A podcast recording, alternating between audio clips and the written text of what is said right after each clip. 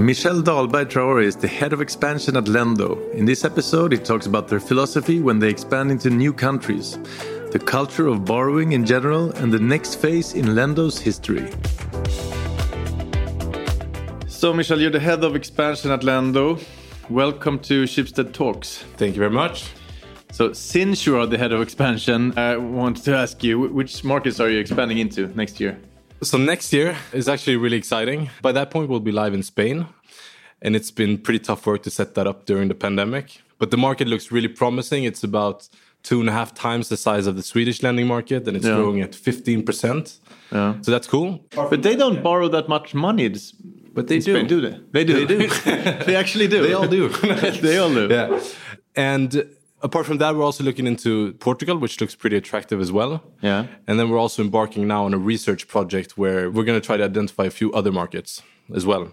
But in total, next year, our ambition is to be live in three new markets, including Spain.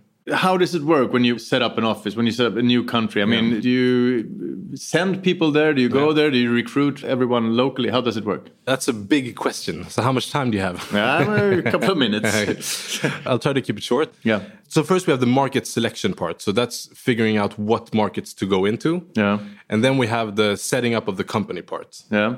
So, first, when we look at, you know, finding what market to go into. Yeah that's pretty like thorough research. Yeah. How does it work? Do you analyze uh, their borrowing culture or, or, not so much the culture, but you know, first it's like quantitative data. We look at statistics and data from institutions, municipalities, and we combine that with intelligence that we can get from different partners that we work with already. Doesn't it matter if they have the, you know the borrowing culture? I mean, the Germans hate to be yeah. in debt. Yeah, yeah. And some of the, in Eastern Europe they love to be in debt. Yeah, I mean, that's true. I mean, the borrowing culture doesn't matter as much. What we see that consumer credits exist on all markets basically. Yeah. And what's more important for us to understand is how much of those loans are online or could be online. Mm. How loans are perceived isn't really much of a focus for us because either way we can always build a product that helps customers. Yeah. So the more important questions for us to understand locally is more what's the general situation of the lending market. If there's only a few very dominant banks, mm. then uh, you know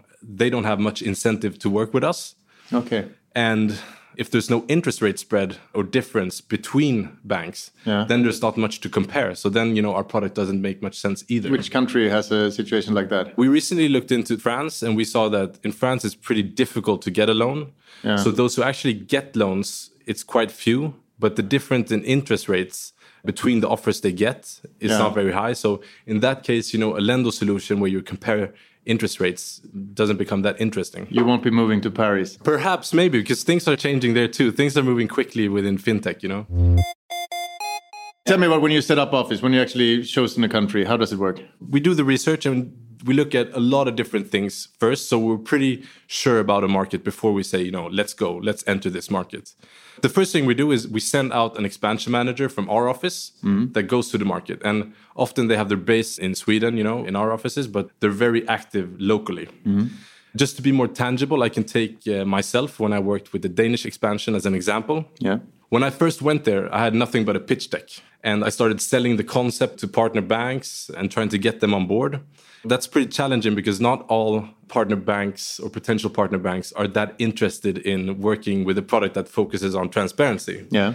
And also in the early pitching stages, we have so little practical and verified information at that stage. Yeah. So as you're pitching, you also really need to ask the right questions in order to be able to go back and understand and to map out how the Lendo product should work. So it's tough work that not everyone has open arms. No, no I mean it is pretty tough work, and it's a lot of selling, but also a lot of product understanding. Yeah. So another challenge is the local infrastructure in a market. They vary a lot from market to market. Mm.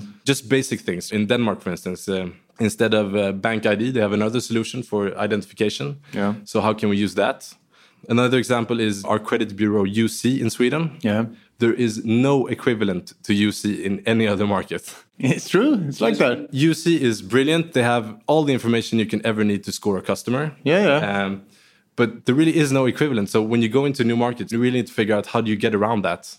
But how does it work on other markets and where you can look at your Yeah. citizens and how deep into the financial shit I mean, they if, are? if we stick to the Danish example, I mean, there are a lot of other databases that we can tap okay. into, Okay. but it works differently. And for instance, tax information, they're very restrictive with who they give that information to. So we have to find, you know, ways to work around those Mm. things. But when you're out recruiting, here we like to talk about the Swedish tech wonder, and Yeah, we take much pride in Spotify and Klarna. Yeah. Does anyone internationally ever heard about that expression? I mean, do we have an extra traction? Yeah, that's a good question. I think it helps a little bit maybe when setting up the first meeting with partner banks. Uh, Yeah. It sounds exciting that you're a Swedish fintech company. Yeah. But once you're in that meeting, it's all about you know the value proposition that you offer them. Okay. Um, so then it's very much down to business. But maybe the first meeting we were ahead a bit. Maybe a little bit. I think so. It could help when we write our first emails. We make sure to say that you know we're the number one online broker in the Nordics, uh, in Sweden, etc. Just to get back to the actual setting up and the Yeah. recruitment. So once we figured out all these questions with how to work around the, the UC and all of that, Yeah. and answer those questions, that's when we you know take some user feedback and we engage our developers and they start building it. Mm-hmm. And uh, we test the product properly, we ship it, we look at the KPIs from day to day, Yeah. week to week, month to month.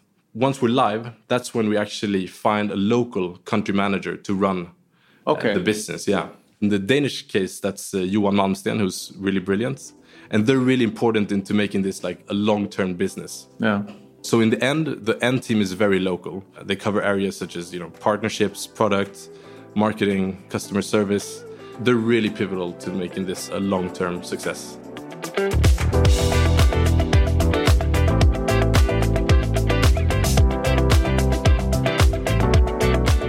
Do you have nice offices in the center of the city? or Yeah, I mean the offices are amazing so far. The ones I've seen that we've set up at least. Yeah. So you don't go cheap there. It becomes pretty cheap because we're not that many people in the beginning. Yeah. But it's nice offices, and that's not normally a reason not to join Lendo. I get it. Yeah. So looking at Denmark, Poland, Austria, has it been successful? It's varied a little bit. Yeah. As I said, you know, UC only exists in Sweden, and that has the consequence that when we enter a new market, it's often a challenge for bank partners to give offers online. Yeah. And when we look at Austria, when we launched there, we had really, really good traction from the end users early on. But many banks they struggled to give a score and to pay out the loans, so that affected us. Now a lot of things have happened, and uh, you know, in the last months, it's looked really good again. So the case looks positive. In Poland, we actually decided to pull out Because because basically the KPIs that we look at they didn't develop in the pace that we wanted them to. And you know, when COVID hit, it just became clear that you know now isn't the time for us to so you might go back there. you never know, but for now we're not looking at Poland. And Denmark, they've really gone from strength to strength, and uh, they're showing really good growth. And nowadays, it seems like the more mature markets are learning new things from the Danish team, Yeah. instead of the other way around. Cool. I don't know if this question is stupid, but how much do you invest into expansion? How much can it cost to start up? Unfortunately, I can't go into detail. Ballpark. no, no, no. I can't even give a ballpark. But what I can say is that Schibsted are really ambitious Yeah. and, and super supportive when it comes to our expansion. Speaking about Schibsted, then Schibsted is a giant, Yeah. but you seem to have a very strong entrepreneurial drive within Lendo. How do you create a culture like that? Yeah. One of the key success factors for Schibsted growth or next Yeah. is that they really managed to let every entity grow their own culture. Yeah. And for Lendo, I really agree that there is an entrepreneurial spirit that runs through the whole business. Yeah. And I can't really put my finger on what the secret sauce is. Yeah. But what I would say is, you know, our organization is very flat. Yeah.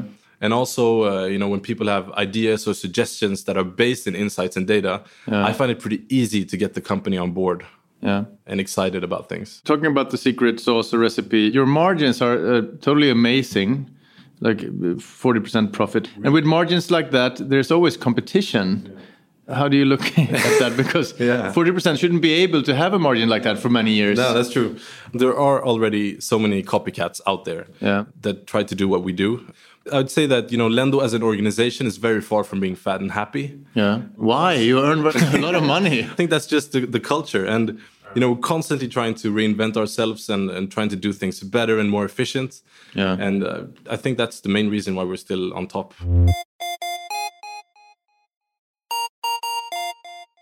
You talked about uh, the pandemic sort of affected the Poland uh, thing there. How has the pandemic affected Lendo as a whole? When it first hit, it affected us, of course. Uncertainty isn't good for any business. Yeah. But now, you know, things are looking more stable, and I'd say that we've bounced back by now. I also heard that you're working on a mortgage product. How does that fit into the Lendo model? So that's really exciting for us. We're looking into the mortgage market in Sweden and in Norway. Yeah. And I'd say it's a very logical step for Lendo.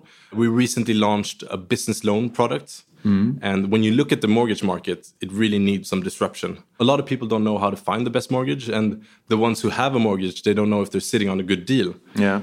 And a lot of banks, they aren't really helping here. They bundle their mortgage prices with maybe insurance, with whether or not you have your current account or savings with them. Yeah. Maybe you get a special deal because you're connected to a specific union. Hmm. And all of this makes it very hard for people to navigate the mortgage landscape and to make informed decisions. Yeah. So the idea here is that, you know, a cutting edge Lendo product Yeah. could really make a difference for the end user. You haven't really told me what the product is. What it is, it's basically a product where you, just as on the Lendo platform, Yeah.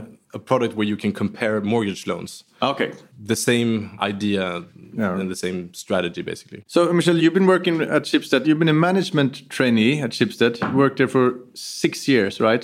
Talk me through it. Which different companies? Where have you been?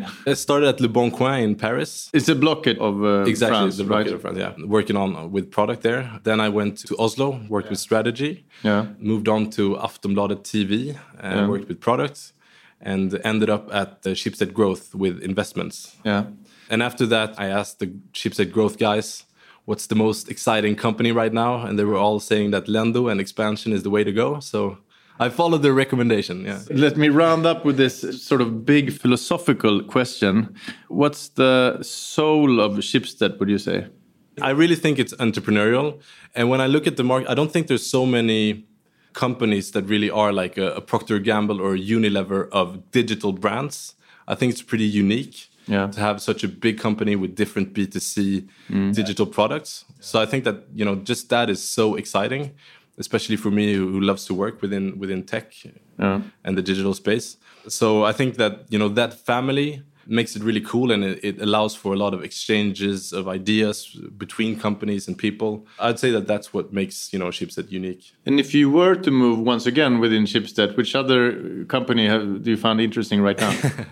What would suit my personality it would probably be starting something new. Thank you so much for being on Schibsted Talks. Thank you very much. This podcast was brought to you by Schibsted Employee Branding Team. My name is Hugo Renberg, and producer was Jens Back.